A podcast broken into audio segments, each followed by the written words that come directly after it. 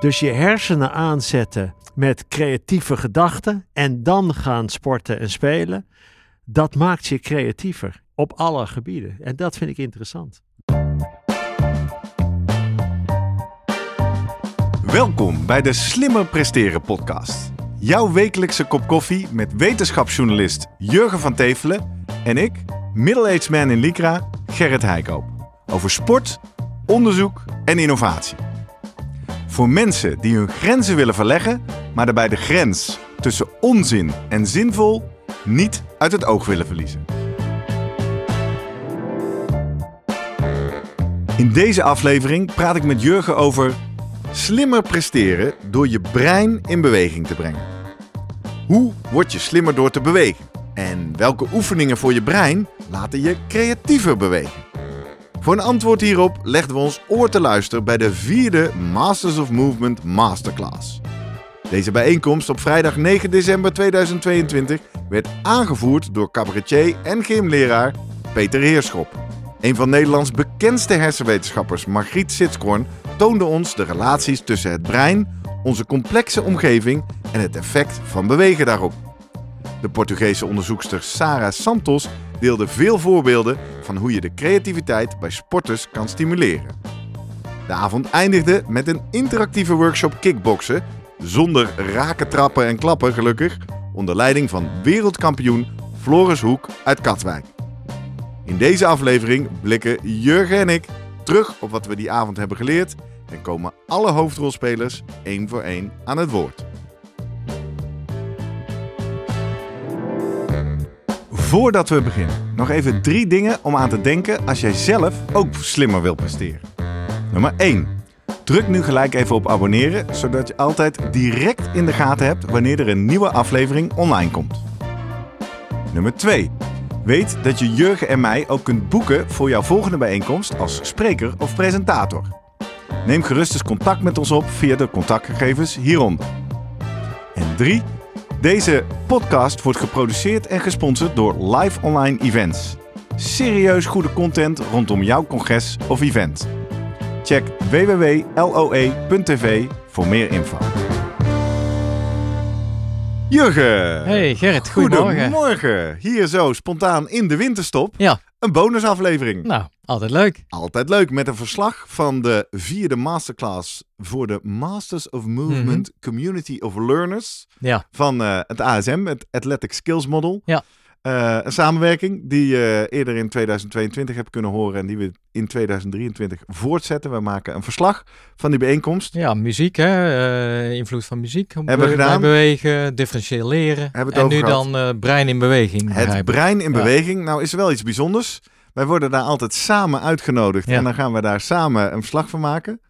Maar eh, je was er niet, hè? Nee, ik was er niet. Ja, ik had eh, andere plannen. Ja. En die, eh, ja, die, die verstoorden de boel een beetje. Nee, ik, ik was al eh, op een eh, vroege vakantie aan, in, in Panama zat ik toen. Precies. Dus dat maakt het eigenlijk alleen maar nog leuker. Jij bent hier vandaag op de bank de rol van de actieve luisteraar. Net Ja. zoals de luisteraar die deze aflevering luistert.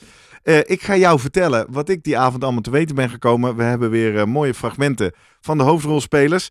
En ja, ik zou je uitnodigen, luister actief mee. En als je een vraag hebt, eh, laten we eens kijken of ik je daarmee kan helpen. En op het einde reflecteren we natuurlijk op de vraag... wat moeten jij en ik als amateursporter nou met deze inzichten? Ja. Ehm, de avond werd aangevoerd door eh, Peter Heerschop, bekende stem. Eh, aan het einde heb ik hem natuurlijk ook gevraagd, waar loopt hij nou mee weg? We hadden een keynote van een van Nederlands bekendste hersenwetenschappers, Margriet Sitskoorn, met de titel Move Your Brain, Move Your Life, waarin ze ons meenam naar haar effectprogramma. Veel boeken geschreven. Hè? Veel boeken daarover Onder andere geschreven. Het Maakbare Brein. Dat Precies. deed, dat deed bij mij wel een, een belletje rinkelen een mooie bruggetje. je wel waarom. Ja. We hebben ook een Engelstalige bijdrage van eh eh, Sarah Santos. Die was overgekomen uit Portugal. Mhm.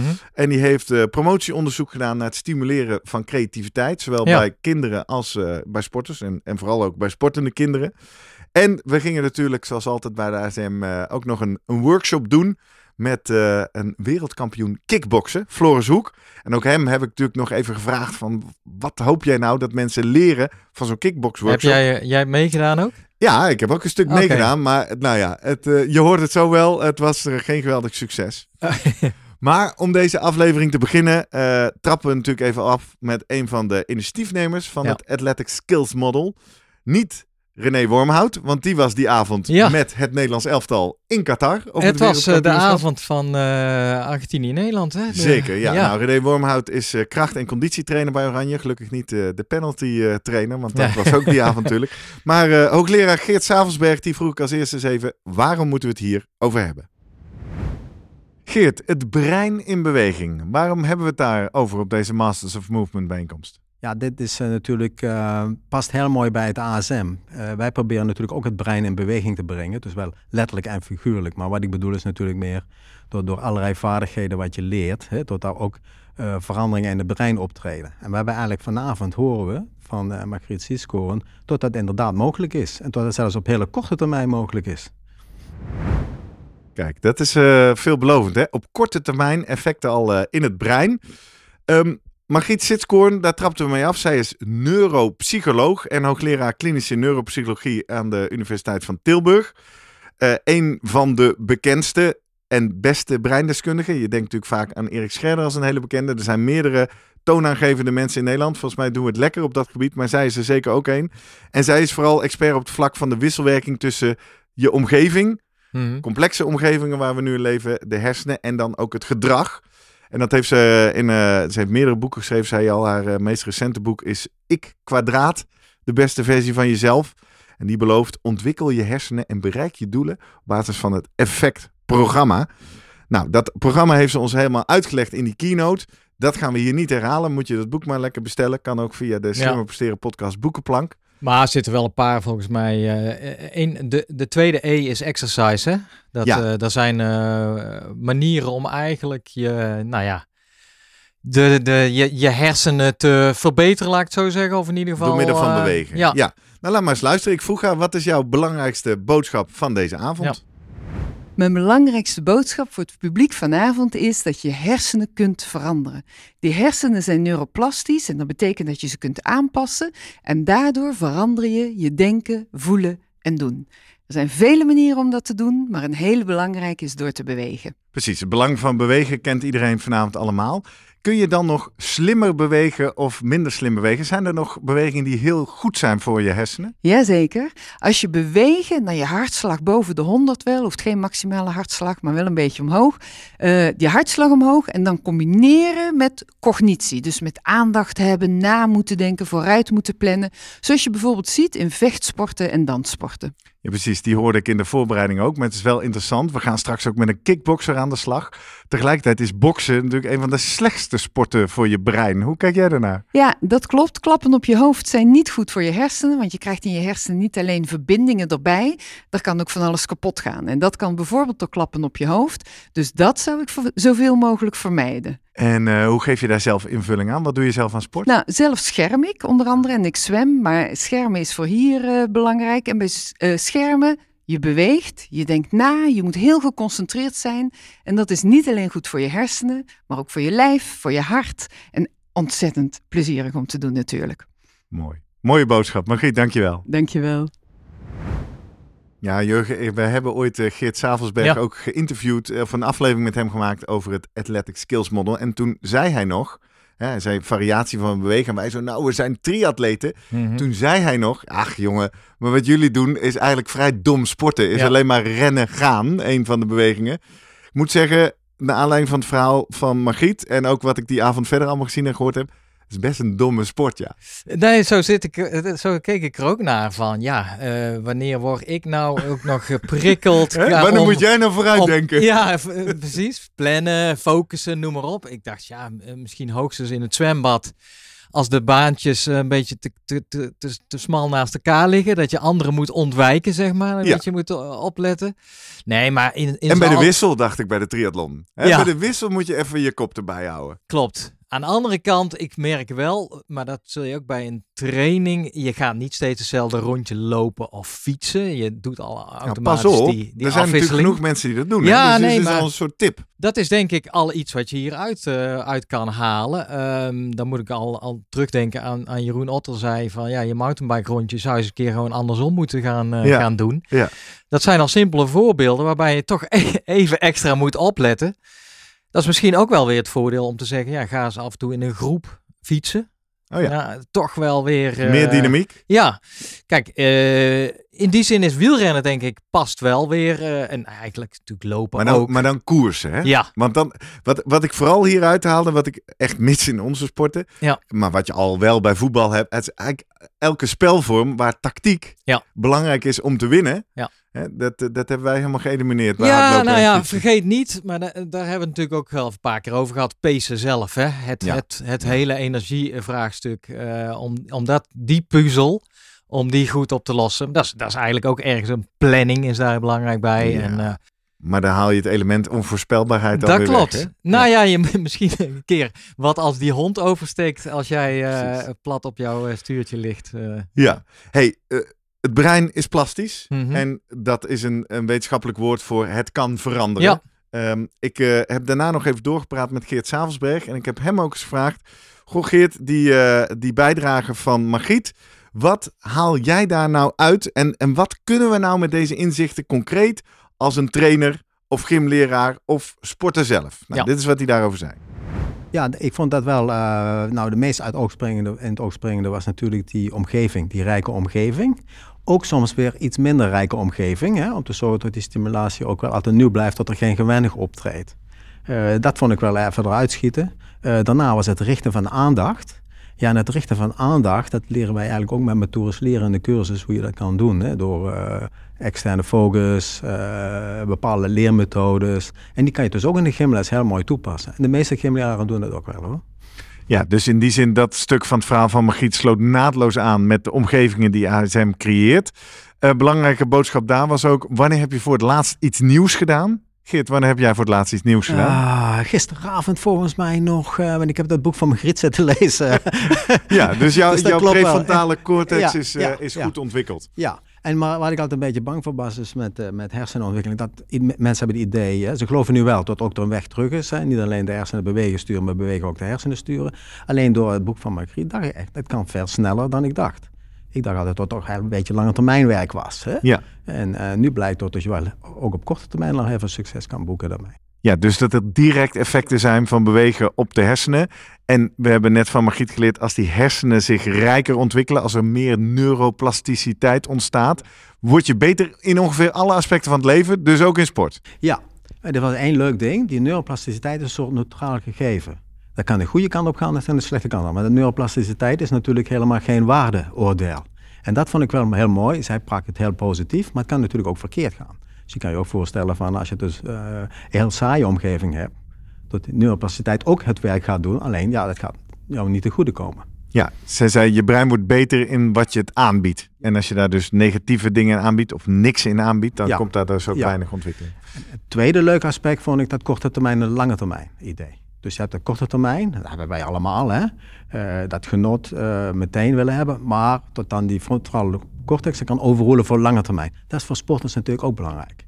Hè, de- Licht eens toe, wat nou, bedoel je? Het genot misschien op korte termijn om bepaalde dingen niet te doen. Om lange termijn doel is natuurlijk die misschien die medaille halen. Ja. En dat moet dat, dat overroelen, daar moet je mindset op zijn. Ja, dus je Dus moet dat- jezelf trainen om, om de, de impulsen die je vandaag onderdrukt Ja. te zien als een, als een bijdrage aan het aan doel aan op doel. de lange termijn. Ja, helemaal. helemaal. Mooi. En dat is natuurlijk soms moeilijk. Misschien kan je, dat heeft ze niet vertellen, het marshmallow-experiment. Dat is heel beroemd. Met de kinderen. Met die kinderen. Hè, Vertel Die- eens. En die, nou, er liggen dus veel lekkere snoepjes liggen daar. En hij zegt tegen die kinderen van, nou, ik ga nu uit de kamer. Als je van die snoepjes afblijft, dan krijg je daarna twee. Dus een lange termijn effect, dus je krijgt dubbele beloning. En dan zie je dus dat kinderen, sommigen, daar heel moeilijk vanaf kunnen blijven. Ja. En dan meteen pakken. Degenen die wat, wat langer kunnen wachten, die blijken ook die meer die een lange termijn doelen te hebben. Ja, eigenlijk bij, bij volwassenen precies hetzelfde. Alleen is het geen marshmallow, maar zijn er misschien andere dingen. Waar Andere je af- prikkels in het leven waar je Ja, vanaf moet blijven. Precies, ja. Ja, dus, dus we hebben vanavond heel veel geleerd over vanuit de neuroscience, de, de neurologie in feite, of de neuropsychologie. En dat moeten wij nu met elkaar doorvertalen naar de sport. Je hebt het boek ook gelezen. Is er nog iets anders wat je meeneemt uit het verhaal van Margriet? Nou, wat ik dus eh, bela- belangrijk vind, is dat zij een eh, programma eh, aangeeft waar je dus ook buiten de sport kan oefenen met deze zaken. En dat je dus ook die, die vaardigheden leert. Maar het allerbelangrijkste vind is namelijk dat die, die, die hersenen en bewegingen niet los van elkaar zijn. Dat is eigenlijk één systeem. Wat we altijd zeggen, hè. de mens is één systeem. Heel vaak zien we het toch nog steeds klassiek als twee verschillende systemen. En een, voorbeeld van die kinderen wat dan hoogbegaafd zijn en niet goed zijn in sport, is echt een stereotype. Uh, en andersom kinderen. Ja, dat werd gevraagd in de zaal. Is het nou zo dat hoogbegaafde of zeer intelligente kinderen minder goed kunnen sporten? Nee, nee. expliciet niet. Nee. Vals stereotype. De vraag die we niet hebben kunnen beantwoorden vandaag, misschien voor de volgende keer is wel leuk. Van ja, word je door sporten nou ook wel veel slimmer? Ja. die vraag hebben we dus niet. Ik dacht uh, even dat die kwam. Er was iemand die vroeg: is het nou ook slim als sporter om dus ook proactief je hersenen te ontwikkelen door een instrument te spelen, door te lezen. Dat was ja. ja. Want hoe meer ontwikkelde hersenen, hoe beter je wordt ook een sport. Maar andersom hebben we nog niet ontdekt. Hebben we nog niet ontdekt, nee. Dat zou dus wel heel mooi zijn als dat ook zo is. Als daar bewijs voor is, wat ik het zo zeggen. Dus Jurgen, gewoon lekker boeken lezen. Daar gaan we ook uh, beter van sporten. Dit klinkt natuurlijk wel een beetje farfetched, maar dat is natuurlijk wat ik nu doe, een overdrijving van richtingen van dingen die aangetoond worden. Mhm. Maar in de algemeenheid, een, een plastischer of een brein met meer verbindingen lijkt ook slimmer te worden in bewegingen of creatieve oplossingen in het spel. Ik denk dat dit belangrijkste boodschap is dat, uh, nou ja, ik, ik 30 jaar geleden studeerde ik nog medische biologie. Destijds was nog steeds uh, eigenlijk uh, werd gedacht het brein je, je, ja, je verliest alleen maar verbindingen of je in de loop van je leven. Ja. Je wordt geboren met uh, miljoenen eigenlijk neuronen en uiteindelijk uh, ja, gaat dat achteruit, je verliest. En dat kan versneld worden door inderdaad alcohol, klappen en noem maar op. Maar ja, je, je merkt gewoon uh, de laatste, nou ja, 20, 30 jaar is, het, is het toch ook wel duidelijk geworden. Nee, uh, fysiologie, hè, dat, ook, ook, en daar, daar valt eigenlijk ook je, je hersenen onder, die kunnen zich ook aanpassen aan stimuli. En zich uh, kneden op die manier waarop het lichaam zich eigenlijk het beste kan reageren volgende keer op nieuwe stimuli of die stimuli die jij, waaraan, waaraan je het blootstelt. Alleen ja, het is meer. Het lastige is natuurlijk bij een spier. Ja, die kan jij, uh, daar zie je het zelfs aan de buitenkant aan. Als iemand de sportschool ingaat, echt krachtoefeningen doet en de aanleg ook nog voor heeft om, om breder te worden, sterker, dan zie je dat meteen. En je, je, ziet het terug in de, de, de kracht die iemand kan leveren natuurlijk. Uh, geldt denk ik ook voor het hart, bepaalde fitheid, VO2 max, noem maar op. Uh, brein is allemaal een stuk moeilijker natuurlijk. Hè? Hoe ga je dat überhaupt meten dat daar nieuwe verbindingen zijn gekomen? En het hoeft ook niet per se nieuwe verbindingen, kan ook binnen een verbinding kan, kan sterker worden. Uh, neurotransmitters die veranderen in concentraties of zo, of de overdracht van impulsen. En dat is wel een fascinerend onderzoek wat gaande is, waarbij nou die rol van, van bewegen daarop. Ja, kijk, wat we wel weten is in ieder geval, oké, doorbloeding is hartstikke belangrijk, ook voor de hersenen. De hersenen moeten het ook natuurlijk doen met, met, met zuurstof. Uh, ja, wat, de zuurstof wordt aangevoerd natuurlijk door, door het bloed. Uh, en dat betekent dat die doorbloeding gewoon goed moet zijn. Bloedvaat moet goed reageren. Moeten juist op de plekken die meer zuurstof nodig hebben, moeten zij uh, het zuurstofrijke bloed kunnen afgeven. Dat is één. Aan de andere kant weten we ook dat spieren zelf allerlei signaalstoffen afgeven, myokines, die niet alleen op de spieren zelf werken, maar ook op de hersenen. En, en daarmee samen, ja, dan, dan heb je die link al een beetje tussen inderdaad lichaam en, en geest of, of, of brein, waar, waar Geert het over heeft. Maar je komt nog steeds, merk ik, was bijvoorbeeld een discussie laatst in de NRC. Er kwam een groot artikel, werd, werd in de wetenschapsbijlage behandeld. Een groot onderzoek, ik meen Engels of Amerikaans, bij een, een groep 65-plussers. Die zij anderhalf jaar lang een, een trainingsprogramma hebben laten ondergaan. Ook een meditatieprogramma en, en, en een groep die eigenlijk alleen maar voorlichtingen kreeg over gezond leven om te kijken wat dat nou deed op cognitie. En zij vonden eigenlijk uh, geen verschillen. Geen noemenswaardige verschillen in, in cognitietesten, in geheugentesten en daarbij ook in de scans. Die worden dan tegenwoordig gemaakt met vaak eh, NMR-achtige of MRI-achtige scans. Om te kijken van ja, niet alleen van of hersengebieden groter, kleiner worden, maar ook of de doorbloedingen verandert, uh, verbetert. Ja, en dat was een beetje natuurlijk iets van, hè, zie je wel, dus dat maakt dus uh, bewegen, uh, geeft geen extra positief effect daarmee op eh, in deze studie op, op het brein, op cognitie. Ja, eh, goed dat uh, Erik Scherder daar dan nog een brief op schreef met een beetje de duiding bij dat stuk. Zeiden ja, let wel op, dit is gedaan in een groep gezonde 65-plussers die verder geen ziekte of iets verder hadden, hoog opgeleid ook nog. Ja, dan zit je al behoorlijk hoog in wat, wat haalbaar is. De, en de vraag is, kun je dat überhaupt dan nog verbeteren? En nou, uh, dus hij zei, ja, er zijn daadwerkelijk veel meer aanwijzingen dat uh, mensen waarbij die cognitie echt wat achteruit gegaan is, dat je dat toch gedeeltelijk tegen kan gaan door middel van bijvoorbeeld uh, bewegen. Maar dat zullen ook de andere interventies zijn die, waar Margriet het over had. In ieder geval goed slapen hoort erbij. Ik denk een, een, een een verrijkte omgeving, hè, nieuwe prikkels. Dus uh, mooie discussie. Ja, dus er is wetenschappelijk, het is nog niet zo eenduidig en simpel als het lijkt, maar er speelt hier wel iets en er is een verbinding. Dat kunnen we weten. Ik denk dat het meer is van bewegen is goed voor het lichaam, duidelijk. Punt. En dat we weten voor spieren, voor het hart uh, en, en, we weten dat... Uh, spierkracht, uh, zuurstofconsumptie, allemaal voorspellende waarden geeft over hoe lang je leeft en hoe lang je gezond kan leven. Nou, logisch dat op het brein ook wat gebeurt. Maar om dat nou, uh, het is lastig om dat denk ik aan te tonen door middel van wat nou specifiek waar je beter in wordt. Ja. In welke cognitieve eigenschap bijvoorbeeld. Uh, en ik Eén denk, van de aspecten, Jurgen, waar je beter in lijkt te worden als we uh, de avond rondmaken, is namelijk deel 2. Oké. Okay. Bijvoorbeeld creativiteit in je spel je probleemoplossend vermogen. Ja. En daarover was uh, op 9 december Sarah Santos uit uh, Portugal gekomen. Zij is onderzoeker aan de Universiteit van Tras os Montes en Alto Douro, afgekort UTAD, in Portugal.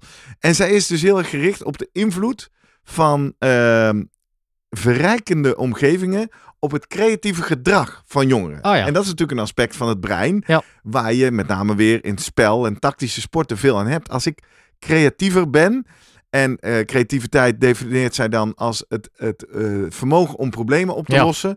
Dan word ik daar een betere, en ik maak nu in de lucht aanhalingstekens, Ja, ja. sporter van. Ja.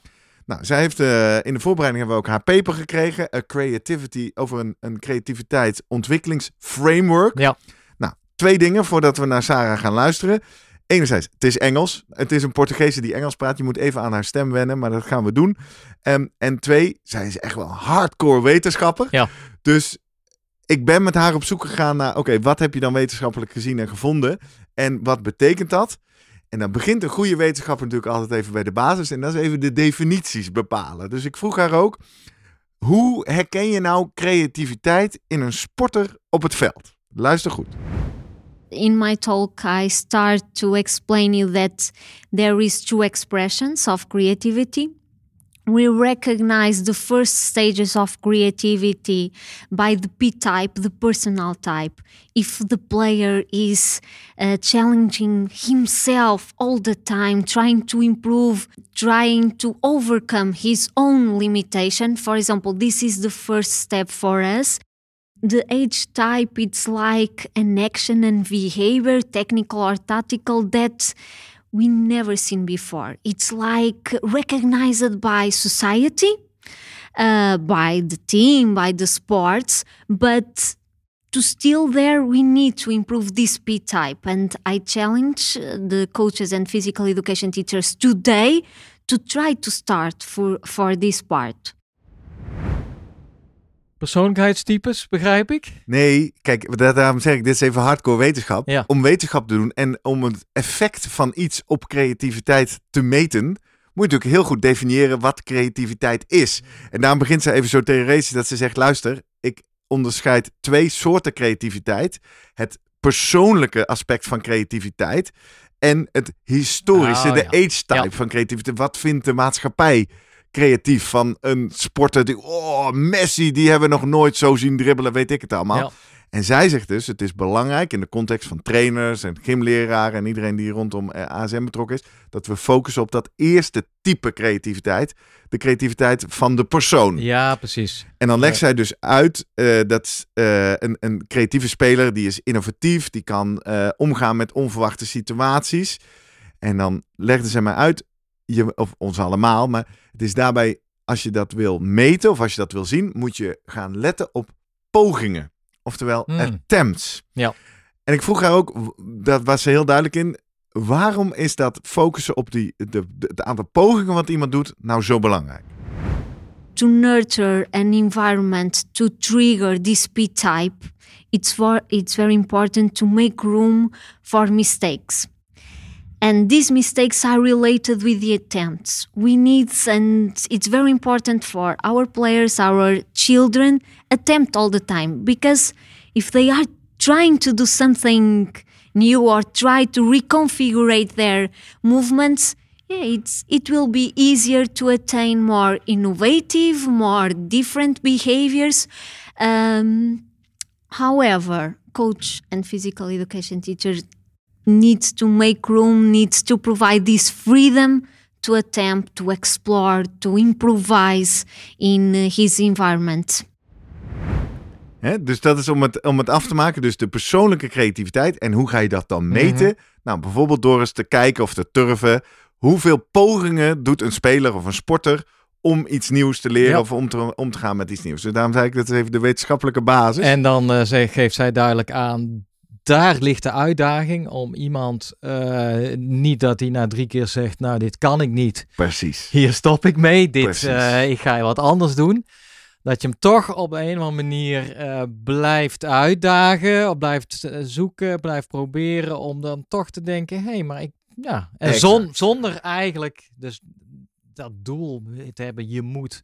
Hè? Ja. Zonder het aan die normatieve lat van Precies. die age-type Ja. creativity, hè, van dit vinden wij het beste. Nee, het beste voor jou. En dat betekent dat jij het blijft proberen. En zij zegt ook, cruciaal is dat je dus als coach of als ouder of als trainer gelooft Ja. dat iedere sporter of speler creatiever kan worden. En dat is wel een leuke anekdote. Ik kwam natuurlijk terug van deze Ja. avond. En ik zat dit een beetje aan mijn vrouw Joël te vertellen. En onze Sophie van net 12 zat daarnaast. En ik legde dus ook uit dat het dus cruciaal is dat je focust op pogingen. Ja. En toen gebeurde iets heel moois. Want toen ging ik als metafoor haar gedrag... In plaats van dat ik zeg, je moet, je moet vaker de tafel afruimen of je moet dit doen... ging ik spreken in pogingen. Dus heel klein woordverschil. Ik zei, Sophie, bij je volgende poging om de tafel af te ruimen... heb ik liever dat je het meteen doet als we klaar zijn met eten... in plaats van dat je eerst, weet ik veel. En dat heeft iets fantastisch gedaan. Oh, ja. En ik, ik, ik kan het niet uitleggen, maar op een of andere manier zie en voel je dus dat er bij haar ruimte ontstaat van ik doe het niet fout. En nou, dit Ja. is een kind wat, graag, wat het graag goed wil doen, dus dat belemmert. Maar door het woord pogingen te introduceren ontstaat er veel meer lucht en ruimte. Want er zijn namelijk oneindig veel pogingen. Ja, Doe er nog eens een, joh. dat is eigenlijk alleen maar leuk. Ik mag nog, hartstikke ik, leuk. Ik mag nog een keer. Ik ga het gewoon En- nog een keer proberen. En op En die manier ja, ga je iemand ui- ja, uitdagen, zoek naar oplossingen, zoek wat past bij jou, op jouw manier om, Precies. om dat doel te bereiken. Of dat nou is het eh, afruimen van de tafel of het Of eh, het sporten, scoren of een goal eh, scoren, ja, of een wedstrijd sneller lopen, Ja. of een PR halen. Ja, En toen ik dat inzag, is het natuurlijk eigenlijk... Hè, wij hebben hier in onze Slimme Presteren podcast hebben we het veel over hoe loop je een perfecte marathon of hoe word je snel op triathlon. En ondertussen zitten er allerlei verhalen van mijn marathons waarin van alles misgaat. Ja, maar dat is dus de sleutel. Ja. Je, als je het niet probeert, je kan het nooit in één keer perfect doen. precies. Dus, dus dat zou goed voor jou zijn. Jij hebt nog een, een aantal pogingen te gaan ja, voor die marathon. Wat heerlijk toch? Ik hoop Ja. dat ik al een aantal pogingen te gaan heb. Ja. Hey, eh, tot slot, eh, het volgende fragment is wat langer. Ehm, ik ga haar namelijk dan vragen: oké, jij meet creativiteit, je hebt ons uitgelegd wat het is. Wat moeten we dan nu concreet gaan veranderen? Nou, Ja. heeft ze een aantal eh, aspecten voor. En ze heeft ook in haar verhaal heel veel leuke voorbeelden laten zien. Daar eh, vraag ik haar ook naar. Op een gegeven moment hoor je daar in het fragment een woord waar je denkt: huh, wat zegt ze nou? Dat snap ik niet. Dan zegt ze Genius for Training. En dat is eigenlijk het programma, is een concreet interventieprogramma waar zij haar onderzoek ook aan heeft opgehangen. Daarmee is ze naar scholen gegaan. En dat ontstaat uit een aantal stappen. Bijvoorbeeld dat ze eerst als kinderen vijf minuten een creativiteitsopdracht geven. Bijvoorbeeld eh, teken een driehoek. En dan moeten ze vijf minuten lang nadenken of tekenen wat die driehoek allemaal kan zijn. En daarmee zetten ze in feite een soort creativiteitsoefeningetje. Waardoor dat brein aangaat. Ja. En vervolgens gaat ze met die kinderen spelen of sporten. En dan gaat ze dus kijken, wat is Oh, het ja. effect op creativiteit? Nou, heeft ze prachtige resultaten.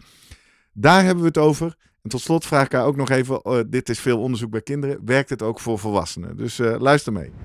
It's very important to start to uh, allow and to create these environments uh, to explore, to adapt, uh, and our players and our children need to feel that. Okay, my coach, my physical education teacher recognize when because I'm trying to put effort, I'm trying to do something that I will never try. This is the first message, and this is very important. All the process start with the coach and physical education teacher. They need to ignite um, this process. It's very important to put variability into practice, more functional, less functional, or representative. It is extremely important. Um, do that we can do by manipulating uh, constraints, by using differential um, learning to uh, develop more challenging environments. If you have more challenging environments, not too much, but with a, a, moderate, high demanding climate, it will be easier to explore, to be more adaptive, and to produce uh, creative behavior. Exactly. That's what you showed in your papers. Eh? Not too complex because then it kills the creativity, but moderate complex. You share with us many, many examples of how, for example, on a soccer pitch, you can create variances of the soccer games and little fun exercises. Just for our listeners, can you list off a few of these examples that you showed us tonight? Yeah, of course. For example, in our practice and in our training programs, we try to incorporate a lot of unpredictability. For example, they are playing one against one with one type of ball and then they move in the next repetition for three against one, two against two. They will never know what will happen next. And this is very important because they are always very aware. They are very focused on the activity. What what will happen? We don't know. Um, more examples it's playing with a lot of targets, different balls, dynamic fields. Um, we also use in Skills for Genius program play two sports at the same time, use a triangular ball, for example. This is very interesting for because the children, the first question is like, oh, a triangular ball, but which sport is associated to this ball? We don't know. We need Try to figure it, out. Yeah. yeah yeah yeah, yeah, yeah, it's something yeah, it's interesting to use and to build their own materials to create their own ball they, their different rackets and this is very interesting and instigate their exploration skills also Exactly. And when we do all that, and when we invest our, and we, I mean, as a, as a coach, as a, as a PE teacher, if I invest my time and my energy and my creativity in this, what kind of results can I expect from these sports person later? Um, yeah, the the main issue that we have, mainly in Portugal, um, coaches and physical education teachers usually they don't recognize the teaching models, the student-centered teaching models. We are trying to uh, um, to educate them on these uh, models like teaching games for education, sport education model, uh, student design games. It's difficult because it's too much. Uh, okay, now I need to teach to learn new models, but this is very interesting and they are very useful. Um, but in a first approach, it's difficult um, for teachers.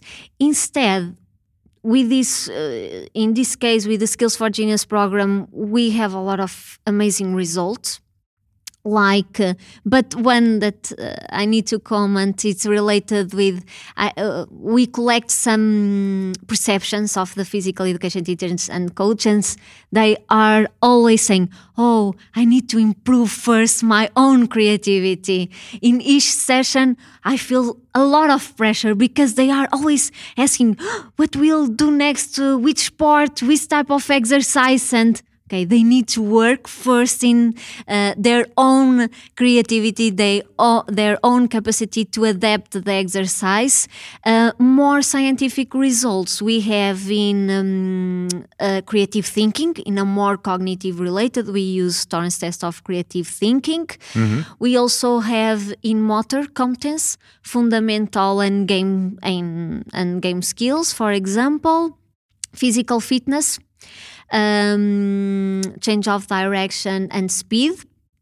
All He- these improve Yeah, after these these kind of interventions. Exactly. So, main question, uh, and related to the comment of the teachers and the coaches, for myself personally, uh, your research is a lot with young adults, uh, even children.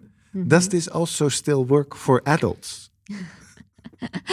This is a great question, and uh, um, we really want to know. Um, in the last year, we did um, some experiments on the teachers before to attain the training of the Skills for Genius training. They did um, a TTCT test, a Torrance test of creative thinking, to understand if during all this process, the training, uh, implementing during one year, and then we try to uh, um, implement uh, uh, in the post-test situation after all this process, the Torrance test of creative thinking. We have a sample, a very reduced one, but uh, we- are also identified uh, increases in uh, in creative thinking, even in uh, in teachers. So, Yeah, this is yeah, a yeah. very long, scientifically backed Yeah, yes. yeah. But we need more research need because more it's data. like no, no, because it's like an exploratory study, I agree. and we collect that data because And you're a scientist and you want to do Yeah. proper science. and they are always saying, okay, we need to improve first our yeah, this Science, is of true. course. Sarah, thank you so much for uh, coming from Portugal to share your knowledge with us. And thank you for this interview. Thank you so much.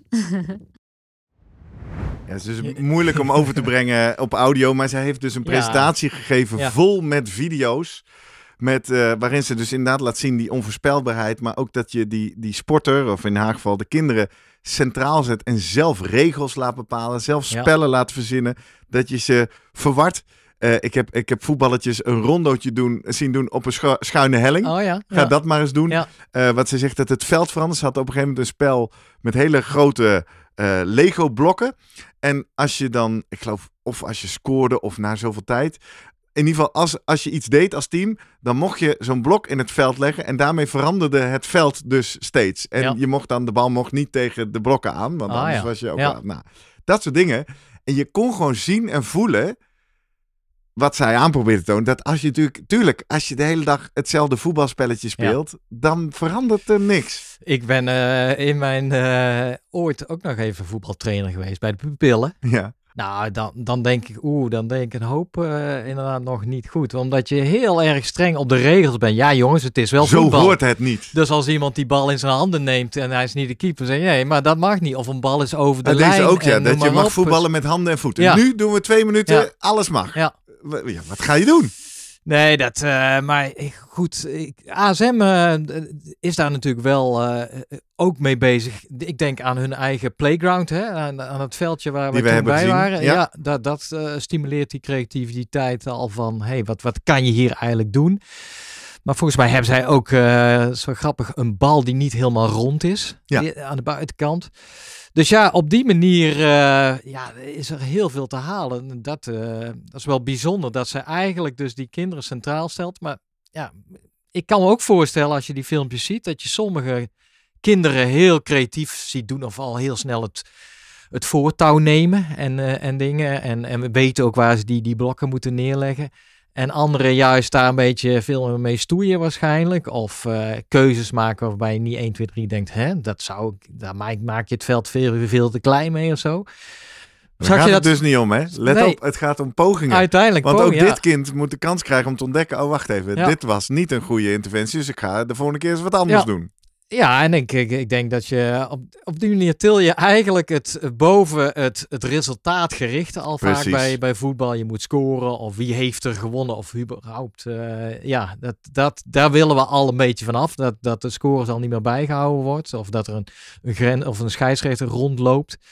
Ja, dit is denk ik heel extreem. Waar, je, waar eh, menig eh pupillentrainer veel, eh, veel van kan leren. Ja, maar en- het is, is moeilijk inderdaad, wat zij ook aangeeft, om dan de bestaande coaches, De volwassenen. ja, gymleraren, ja, om die te overtuigen van, eh hey, probeer eens deze benadering, want het eh, vraagt heel veel creativiteit inderdaad ook van hen. Ja, Nou, dat, dat was een van de inzichten tijdens het diner. Sprak ik met een aantal deelnemers daarover door. En toen kwam, ook, kwam ik ook tot het onzicht, inzicht dat er zijn natuurlijk eh, behoorlijk wat gymleraren bij Ja. maar ook coaches. maar wij zijn ook ouder. Dat je eigenlijk, zeker bij de jeugd, heb je een soort poortwachtersrol voor bewegen voor de rest van het leven. Ja. Als je hier bewegen leuk weet te maken. En nu maak ik het zwaarder dan het is, want sommige mensen houden niet van bewegen en zijn gesport. Natuurlijk, hè, je, je, je can't save them all. Mhm. Maar ik denk wel dat hier een mooie opdracht ligt door, door inderdaad lol, plezier, eh, eh, weinig normen, maar inderdaad te focussen op, op die pogingen. Eh, wat, wat, wat Sarah's kernboodschap ook was, hè. Koester die persoonlijke type van creativiteit en, en leg geen absolute maatstaf neer. Zij zegt ook, het is een proces. Ja. En inderdaad, het is niet een soort magisch ingrediënt. Het is een, het is een houding. Ja. Het is een filosofie hoe je met sporten bezig Ja. moet zijn. Ja, dat is natuurlijk baanbrekend, denk ik, ergens. Kijk, eh, eh, kijk en vooral dat botst natuurlijk ook met eh, ja, talentontwikkeling waar je vaak Enorm. hoort. En, met, selecteren. En, En, ja, en zeker. allerlei Ja. normen die we neerleggen. En het Ja. moeilijke is natuurlijk ergens vanuit financiering of beleid. Ja. Moet je natuurlijk ook een soort eh, maatstaf Ja. weer gaan neerleggen. Nou ja, wil je die gouden medaille of wil je een creatieve bevolking bij wijze Nee, ja, van? maar de een, filosofie eh, is hier. Ja, ja. exact. Of en een, ja, Maar een, een goede creatieve sporter Ja. is uiteindelijk ook een betere Precies. sporter. Dat Ja. is natuurlijk wat hieronder ligt. Ja. Want die kan eh creatief... alleen ja, je hebt maar eh, x eh, aantal uren wat je wil stoppen in. Is Dat dan eh, fysieke training of ook de breintraining? Ja, nou dat kun je heel goed combineren. Ja. Bijvoorbeeld in vechtsporten. Eh Margriet zei het ook al en het was die avond ook het thema. We hadden een professioneel karateka, eh, zelf ook ASM-instructeur. Eh, daarnaast ook nog eens docent in het voortgezet onderwijs, gymdocent. Ehm, maar vooral ook lichtgewicht wereldkampioen, zowel in pro-karate als in kickboksen. Floris Hoek uit Katwijk heeft hij zijn eigen dojo Osaka. En hij ging ons dus een, workshop geven. Hij had allerlei materialen bij zich. Ringen, of eh, ringen, eh, hoepels moet ik Mhm. zeggen. Hoepels, balletjes, maar ook bokshandschoenen. En eh, nou, ik voelde het al aankomen. Ik vind dat heel moeilijk. Links, rechts, rechts, sequences. Dus eh, nou, dat was eh, het leuk. Moest natuurlijk sneller. En eh, nou, ik heb op het einde even met eh, Floris staan praten en gezegd... Floris, wat heb je nou eigenlijk onze deelnemers willen leren vanavond? Wat ik de deelnemers heb mee willen geven is eigenlijk dat het boksen veel meer is of veel meer gebruikt kan worden dan alleen maar slaan en schoppen of kickboksen of wat dan ook, zeg maar. Eh, het kan veel meer gebruikt worden ook om, de, om het, brein te trainen. Eh, het is super eh, complex als je kracht en uithoudingsvermogen met elkaar combineert. De, het verschil tussen links en rechts kan je heel goed trainen de combinaties bij elkaar ophouden, slaan. Het is ook super leuk, dat vooral. Dus vind ik normaal e- eigenlijk een van de belangrijkste, dat het gewoon super leuk is om te doen. Eh, dat, eh, ja, dat eigenlijk in het algemeen zo even snel gezegd, heb ik de mensen willen meegeven. Ja, en jij gaf ons eh, razendsnel een hele hoop verschillende oefeningen. Dat begon met voorzichtig balletjes gooien, stuiteren. Uiteindelijk gingen de bokshandschoenen aan. Wat, wat was het summen? Wat was de finale waar naartoe gebouwd werd? De finale waar naartoe gebouwd is, is, is eigenlijk een hele complexe combinatie. Waarbij mensen ja, links en rechts bijna door elkaar gingen halen. Dus niet meer wisten wat links en rechts was. Eh, wat dan ook goed getraind kan worden. Eh, en het doel daarbij is eigenlijk om de mensen te laten ervaren dat, ze, dat, dat we niet heel eenzijdig moeten trainen. Of te eenzijdig moeten trainen. Maar juist de variatie opzoeken. En ook juist eh, het aanpassingsvermogen van de mensen moeten, moeten prikkelen eigenlijk. Om eh, ja, zo flexibel mogelijk te worden in de, in de situaties, in spelsporten, maar ook vechtsporten of ja, noem het maar op. Ja, want ze zeggen altijd in sport, als je wint, heb je gelijk. Nou, jij staat hier als eh, wereldkampioen kickboksen. Wat, wat deed jij zelf? Wat, heb je, wat kan je herinneren uit jouw eigen trainingen, wat jou, wat jou zo creatief en goed heeft gemaakt? Ja, nou, ik, ik kom eigenlijk uit twee. Ik kom eigenlijk uit Kyokushin karate, is full contact karate. Eh, daarbij ben ik daarnaast gaan kickboksen. Eh, en wat mij heel erg geholpen heeft, is sowieso in uit het karate zijn er best wel, ja, worden er heel veel atletische beenbewegingen naar het hoofd en knieën naar het hoofd gemaakt. En daarmee kon ik de tegenstanders in het kickboksen ook best wel goed verrassen. Eh, en daarbij eh, kunnen karateka's altijd heel goed incasseren op het lichaam. En dat heb ik, brengt mij met het kickboksen ook vaak in een, in een voordeel, zeg maar. Ja. Dus dat, dat, dat zijn eigenlijk de sterkste punten die, ja, die sporten complementeren elkaar gewoon echt super. eh, Precies, maar dat zijn twee hele fysieke aspecten. En we hebben het natuurlijk vandaag ook over het brein in beweging. Ja. Heb jij nog specifiek zelf dingen gedaan in je training of, of instrumenten gespeeld, wordt hier gezegd? Of wat heb je gedaan om, de, om dat hoofd van jou creatief en slim te maken? Eigenlijk ben ik de, sowieso de laatste twee, twee jaar ongeveer heel veel, sowieso heel afwisselend gaan trainen. Dus ik ben bijvoorbeeld ook, ja, in de vechtsport normaal is het altijd eigenlijk, eh, oké, als je rechts schrijft sta je links voor. En als je links schrijft sta je met je rechterbeen voor. Eh, daarentegen ben ik de laatste twee jaar heel veel ook met mijn andere been voor gaan trainen. Oh ja, En daardoor, bewust. ja, bewust, ja, bewust. En dat voelt in het begin heel raar. Dan lijkt het net alsof je weer opnieuw moet leren boksen en, eh en karate doen, zeg maar. Eh, maar daardoor ben ik, ja, ben ik afstanden beter leren inschatten voor mijn gevoel. Ik kan beter timen, ik kan mijn combinaties beter een ritme geven. Dus ja, dat, dat, ik denk dat dat in de, in de notendop wel echt mij eh, veel winst ook heeft Ja, dus eigenlijk bewust jezelf op het verkeerde been zetten. Letterlijk. Ja, juist je chocoladebeen trainen eigenlijk. Als je even in de voetbaltermen wil, eh, wil spreken. Ja. Dus dat heeft me wel echt eh, ja, geholpen. Hey, en tot slot, ik hoorde een gerucht uit jouw wereldje dat bijvoorbeeld Rico Verhoeven ook een significant tijd steekt in schaken. Om ook zijn hersenen te steken, eh, trainen. Wat Ja. weet je ervan? Is dat waar? Eh, nou ja, ik eh, weet, ik eh, ken hem toevallig wel. En hij doet dat zeker.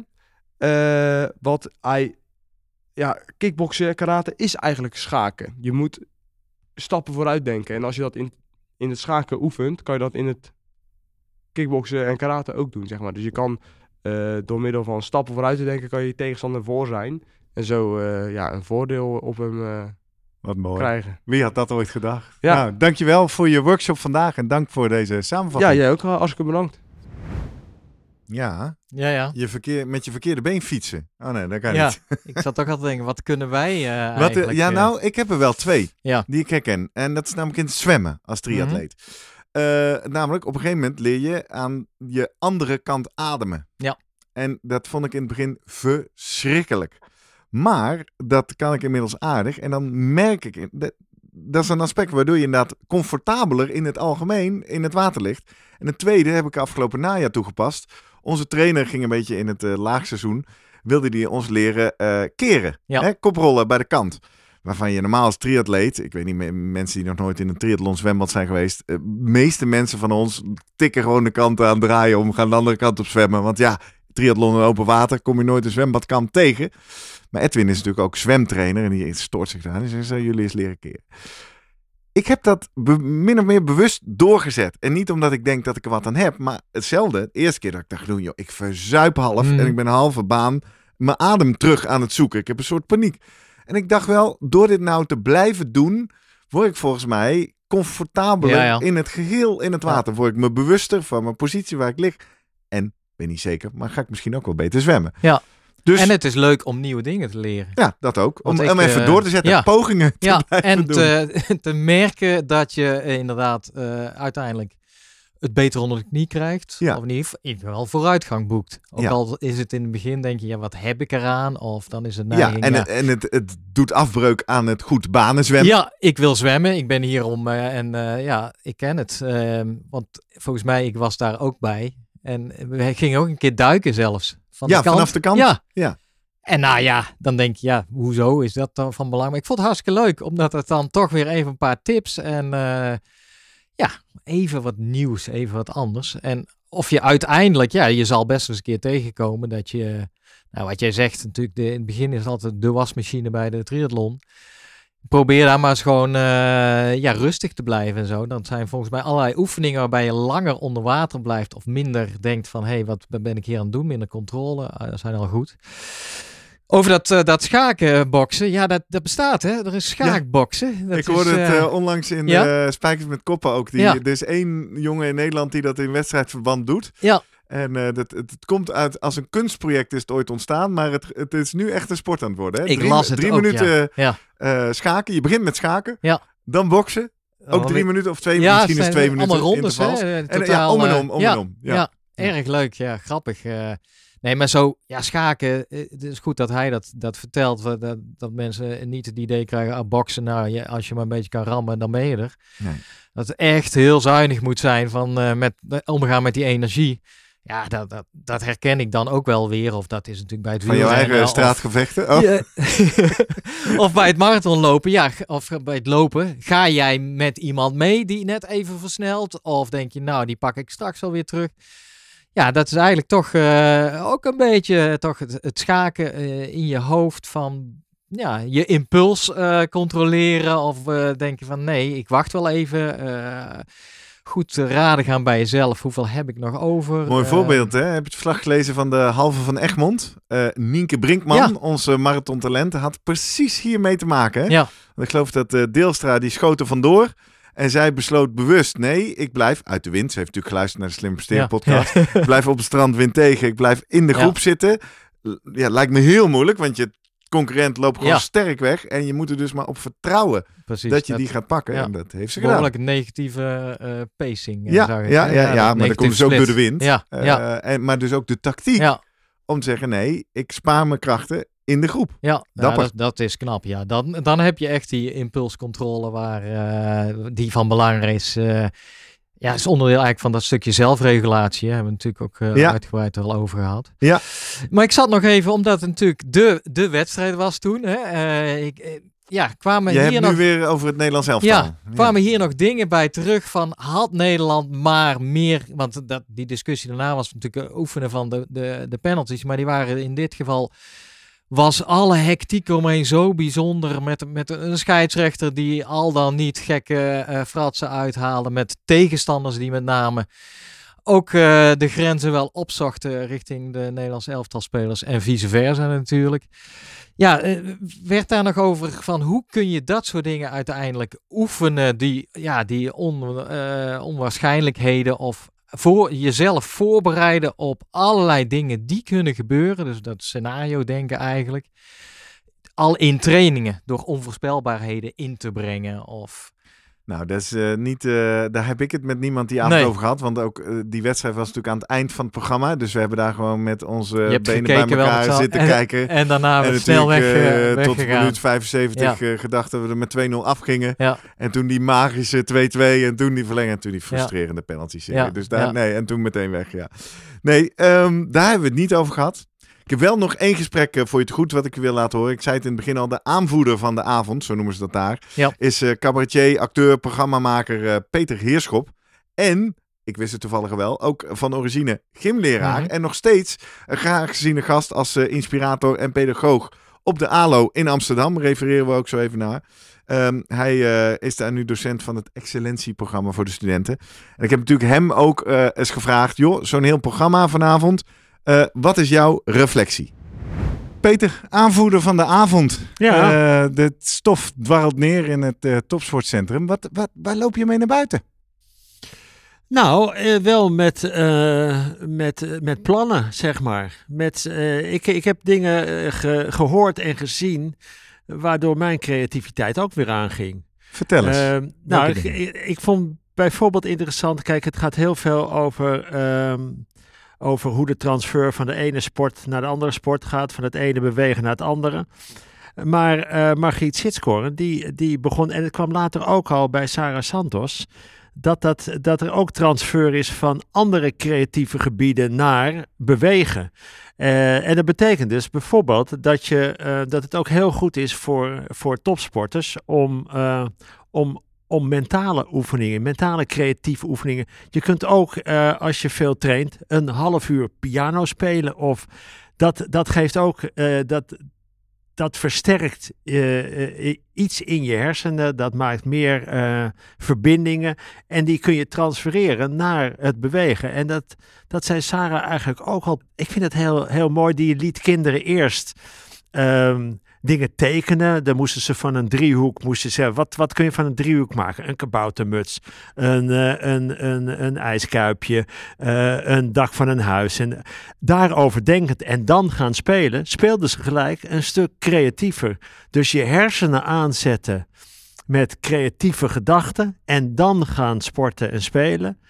Dat maakt je creatiever. Ja, het, In het sporten en bewegen. Hè? ja, dat, dat is was toch, de link. dat, dat vond ik, eh, da- daar, daarmee ga ik het meest weg. Ik denk dat is ook wel interessant om, eh, eh, om zo mensen uit te dagen. En dus eigenlijk in het hele lesgeven ook. Dat je mensen uitdaagt om op welk gebied dan ook creatief te zijn. Wetend dat dat nieuwe verbindingen in je hersenen maakt, ook voor andere terreinen. Mooi. En, want mensen herkennen jouw stem als de cabaretier Peter Heerschop, maar je bent zelf ook actief op de ALO onder andere bijvoorbeeld. Ja. Dus heb je al je nog eerder concrete ideeën wat je hiermee zou kunnen in een gymles of in een training van sporters? Oh ja, daar, daar ben ik dus. Daar Dat is vroeg, hè? eh, nee, ja. nee, nee, nee. Kijk, de, de, de, de lessen die ik geef op de ALO, dat, dat, zijn- dat is echt pedagogiek. Dat, dat, is, dat is niet in een gymzaal. Maar ehm, ik, ik koppel het ook eh, en ik herken het ook van. Want ik ben inderdaad ook cabaretier. En dan, dan moeten we creatief zijn. Moeten we stukken schrijven. Moeten we repeteren. Moeten we het veranderen. Moeten we door improviserend spelen. Moeten we achter eh, iets komen wat we nog niet weten. Maar wel tijdens. En, en daar kunnen we dit ook in gebruiken. Je kunt het ook andersom doen. Je kunt ook met een groepje acteurs eerst een potje gaan voetballen en daar dingen bedenken en dan pas gaan repeteren. Het werkt natuurlijk ook de andere kant op. Eh, Dat, dat wordt hier vanavond gezegd, hè? Ja, dat die wisselwerking dat- tussen brein en lichaam twee kanten versterkend op werkt. ja, en je kunt dus ook op een andere manier repeteren. Of voor de repetities kun je ook denken: ehm, oké, ik ga nu, ik, ik weet niet precies hoe de tekst gaat, maar ik ga nu iets tekenen waarvan ik denk dat het ongeveer zo eruit zou kunnen gaan zien. En dat, en dat versterkt. Eh, dat vind ik dus prachtig. En wat wij, nou ja, raar genoeg hebben we dit al een keer gedaan. Want een vriend van mij, die, eh, die, die hier eh, in het begin ook bij betrokken is geweest, die zei: Voordat jullie het podium opgaan, zou je eigenlijk een beetje moeten jong, leren. Dus dan gingen we met, met, met drie ballen jong leren, met vier ballen jong leren, balletje hoog houden. hij zegt: En dat zet je hersenen aan in een gebied wat je nodig hebt straks om te spelen. En En dat hebben jullie gedaan. Ja, dat hebben we gedaan. En wat merkte je? Nou, wel een, een soort eh, eh, nieuwe vrijheid, ja. En, maar het is ook het geloof. Ja, de- kijk, het. Ja, hier komt een stukje placebo om de hoek misschien. Ja, absoluut. Ja. Maar, maar eh, omdat je bezig bent met iets cre- creatiefs, voel, voel, voel ik wel dat je daarin doorgaat. Dus eh, ja, ja, ja, misschien zijn we ontzettend genept, maar, eh, maar dat maakt niet uit, want je hebt beter gespeeld. Ja, en we die kunnen avond. hartstikke goed jongleren. hartstikke goed. Ja, slechte recensies, maar supergoed gejongleerd. Nee, dat zou ook kunnen. Nee, maar eh, ehm, en, en daar zijn we natuurlijk steeds mee bezig. En daar is dit ook helemaal eh, voor, voor begonnen. Ehm, creativiteit, dat, dat, dat werkt door op alle gebieden. En dat vind ik interessant. Ja, het is die, die hele mens, geest, lichaam, creativiteit en Ja. sport, wat allemaal aan elkaar hangt. Nou, en wat Margriet eh Sitskoorn ook zei, dat je ehm, als er een, een gebied uitvalt, er kan een zenuw uitvallen, er kan iets misgaan, maar dan kan een ander deel van je hersenen het op, eh, overnemen. Dus het hoeft niet hetzelfde gebied te herstellen, maar een ander gebied. En dan krijg je ook een andere uitvoering. Dus hoe meer gebieden je kunt activeren, des te eerder je ook uit bijvoorbeeld een blessure kunt zijn. Ja, of die nou mentaal of fysiek is. Ja, Ja, absoluut. mooi. Mooie boodschap, dankjewel Peter. Ja, geen dank. Ja, nou snap ik wat die jongleerballen hier doen, eh Gerrit. Ja, En daarom had ik die ook maar even jouw creativiteit Ik aangezet. ben al de hele ochtend Ja. aan het oefenen. Ja, het zou natuurlijk wel kunnen. Ja. Ook eh, als ik weer eens een, eh, een congres ga voorzitten. Dat ik gewoon van Ja. tevoren even ga staan jong leren. Sowieso voor de podcast of voor, voor de triathlon. Dat zou wel knap zijn als je dan voor die start van, de, van het zwemmen en daar staat een beetje met Ik wat, denk dat het wel een ja. goede personal branding ook Ja. is, toch? Als Ja. je bij de marathon in het startvak... nou, ik ken iemand, Rick Konings uit Eindhoven. Ja. Daar heb ik ooit ook een jong leerworkshop van gehad. Mhm. Die eh, voert dat door in een extreme. Die loopt de hele marathon Ach. jonglerend. Nee. Serieus. Krijgt hij ook heel veel aandacht Ja. van het publiek. Maar echt, en ik Ja. heb er foto's en filmpjes van gezien. Ja, Rick, eh, als je dat dit vind ik wel origineel, want je ziet tegenwoordig al mensen in, een- in beren pakken of weet ik het wat. nee, Ja. de hele weg. Ja, Hartstikke leuk. dus... eh, Nou, ik kan me niet onttrekken toch, eh, Peter Heerschop, ehm, aan het idee, vooral dat laatste wat hij zegt. Ja, ik ben laatst naar een, ehm, een voorstelling van hem geweest met, met Figo Waas. Ja. En eh Figo, die heeft zo'n her heeft Zeker. een herseninfarct zeker, gehad. ja, dat lag er natuurlijk onder eh, Ja. bij eh, Peter. En ja. nou ja, nou ja, nog steeds grappig, maar ook wa- was het. Maar je ziet ook gewoon het feit dat zij dit gewoon weer doen. Het heeft aan de ene kant humor, aan de andere kant heel indrukwekkend natuurlijk. Hoe hij dat toch weer oppikt in zijn gewone leven. En dus ik, toen dacht ik, ah, dit is 1 en 1 is 2. Ook voor hem is dat natuurlijk, in, ja, kan hij dat zo betrekken waarschijnlijk op zijn uh, directe Ja, omgeving. Ik ga toch even voor de luisteraars die niet helemaal ingevoerd zijn. Figo Waas, uh, mede van Peter Weerschap, heeft Ook, een eh, serieuze ook gehad. Ja, Ja, ook. Skelleka De van de kennis ALO. Ja. Ja, niet uit het raam is daar ontstaan. Hè? Ja. Eh, serieuze hersenbloeding gehad, maar weer, was weer op de radio bij BVSC toen het weer Ja. bestond. Staat dus weer in theater. Ja. En, eh, Dat is een aanrader hoor, om daar naartoe te gaan. ja, eh, nou, ja. goede extra Ja. tip. Weet je wat ook een aanrader is? 31 maart, volgende Masters of Movement bijeenkomst van ASM. Ik ga daar zo meer over vertellen. Maar eerst wil ik nog even van jou horen, Jurgen. Wij als simpele bewegers, Ja, hardlopers, nou, fietsers, triatleten. Ik heb heel veel eh, eh, de andere kant eigenlijk van eh, mentaal, ja, de mentale kant gehoord. Wat ik altijd in ieder geval meenam is mentale vermoeidheid met name. Oh ja. Als zijnde negatief op de sportprestaties. En die studies die, die zijn gedaan. Hè, dan laat je mensen een ingewikkelde test, zo'n zo'n Stroop-test. hè. Ken je waarschijnlijk wel. eh, eh, Ja, ja, die deed Margriet die avond ook. Dus je moet een, een tekst in een... en Je moet de, de, het woord van een kleur lezen, ja. maar je moet de kleur van de letters zeggen. Precies. Dat soort ja. Ja. En nou, dan, dat, dat laat zien als je mensen dat een uur laat doen. En daarna op een fiets zet, dat ze eh, uiteindelijk een mindere prestatie gaan leveren. Ja. In tegenstelling tot een saaie documentaire over de Titanic. Dat was volgens mij de controle in dat. En, de- en daarmee werd eigenlijk gezegd: eh, ja, je moet eigenlijk alle mentale vermoeidheidsprikkels vermijden. Dus niet op die telefoon gaan zitten kijken eh, als jij een, eh, ja, voor een marathon of voor jouw eigen wedstrijd Mhm, of mhm. training of noem maar op. Ja. Dus ik prikkels vermijden. In dit geval leer ik eigenlijk van nee, maar je kan het ook, als je het maar niet te complex maakt, juist ten faveur gebruiken. Door die creativiteit wat aan te wakkeren. Lees of jong leren, of een stukje piano spelen, eh andere instrument. Of nou ja, dus. En dat, dat heb ik wel, eh, dat, dat neem ik zeker mee. Dat dat dus eh, ja, een beetje zoeken is naar het prikkelen van jouw creativiteit. En dat je die op die manier. Tuurlijk, iedereen zal zeggen, ja, is ook ontspannend. Je wil Ja. ontspannen voordat jij iets, eh, nou ja, eh, of, of een, een wedstrijd ingaat, of een, of een presentatie moet geven, of voor je werk een belangrijke klus moet doen. Eh, nou, dat, dat, dat, dat neem ik zeker mee. Nee, eens. Het, ontzettend interessant. We hebben het hier in de podcast al regelmatig gehad over psychologie.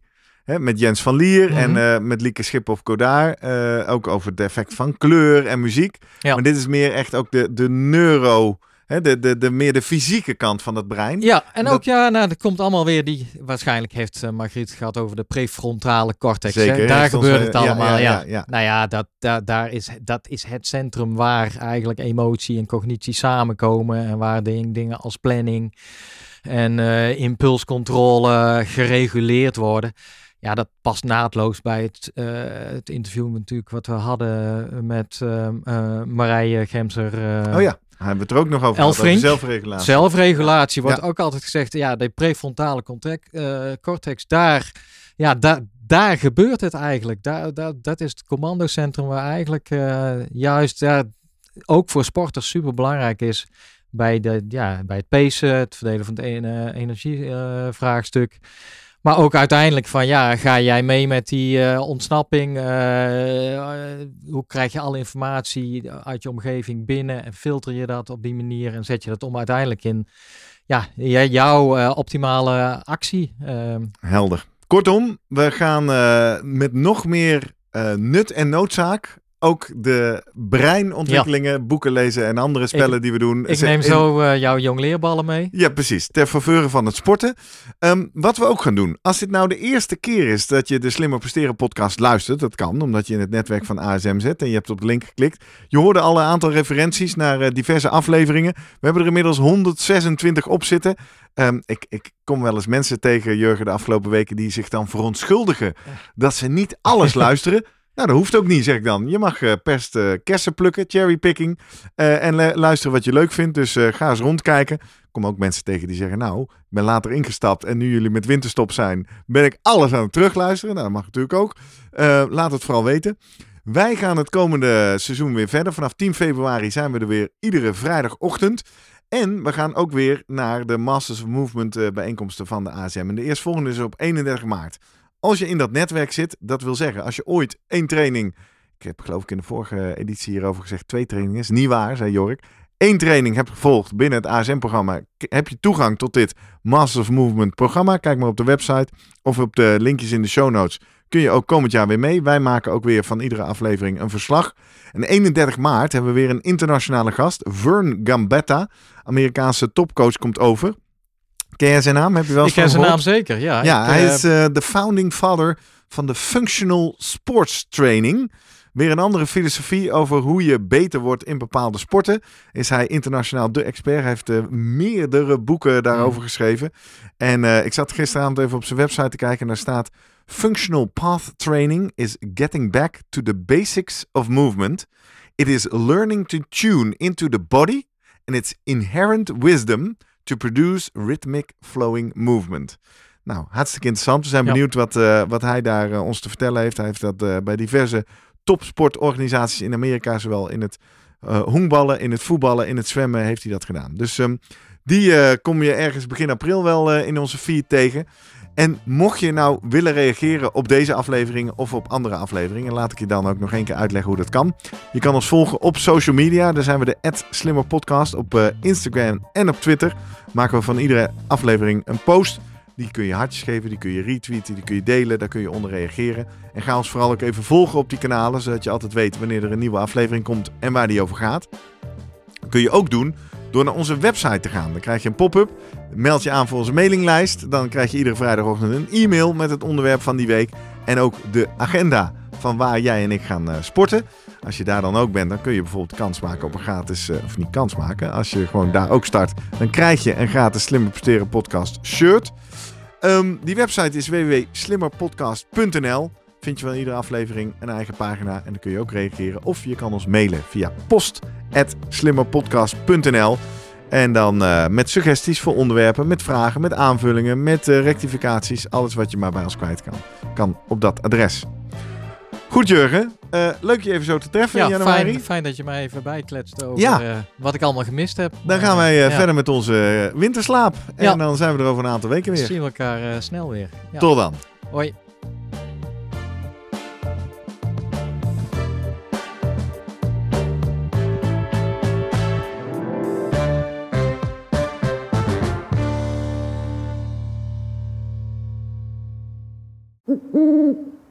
Hey, pst. Voordat je weggaat, denk er nog even aan uilentorenloop.nl. Dan zien we je de eerste zaterdag van juni. Tot dan!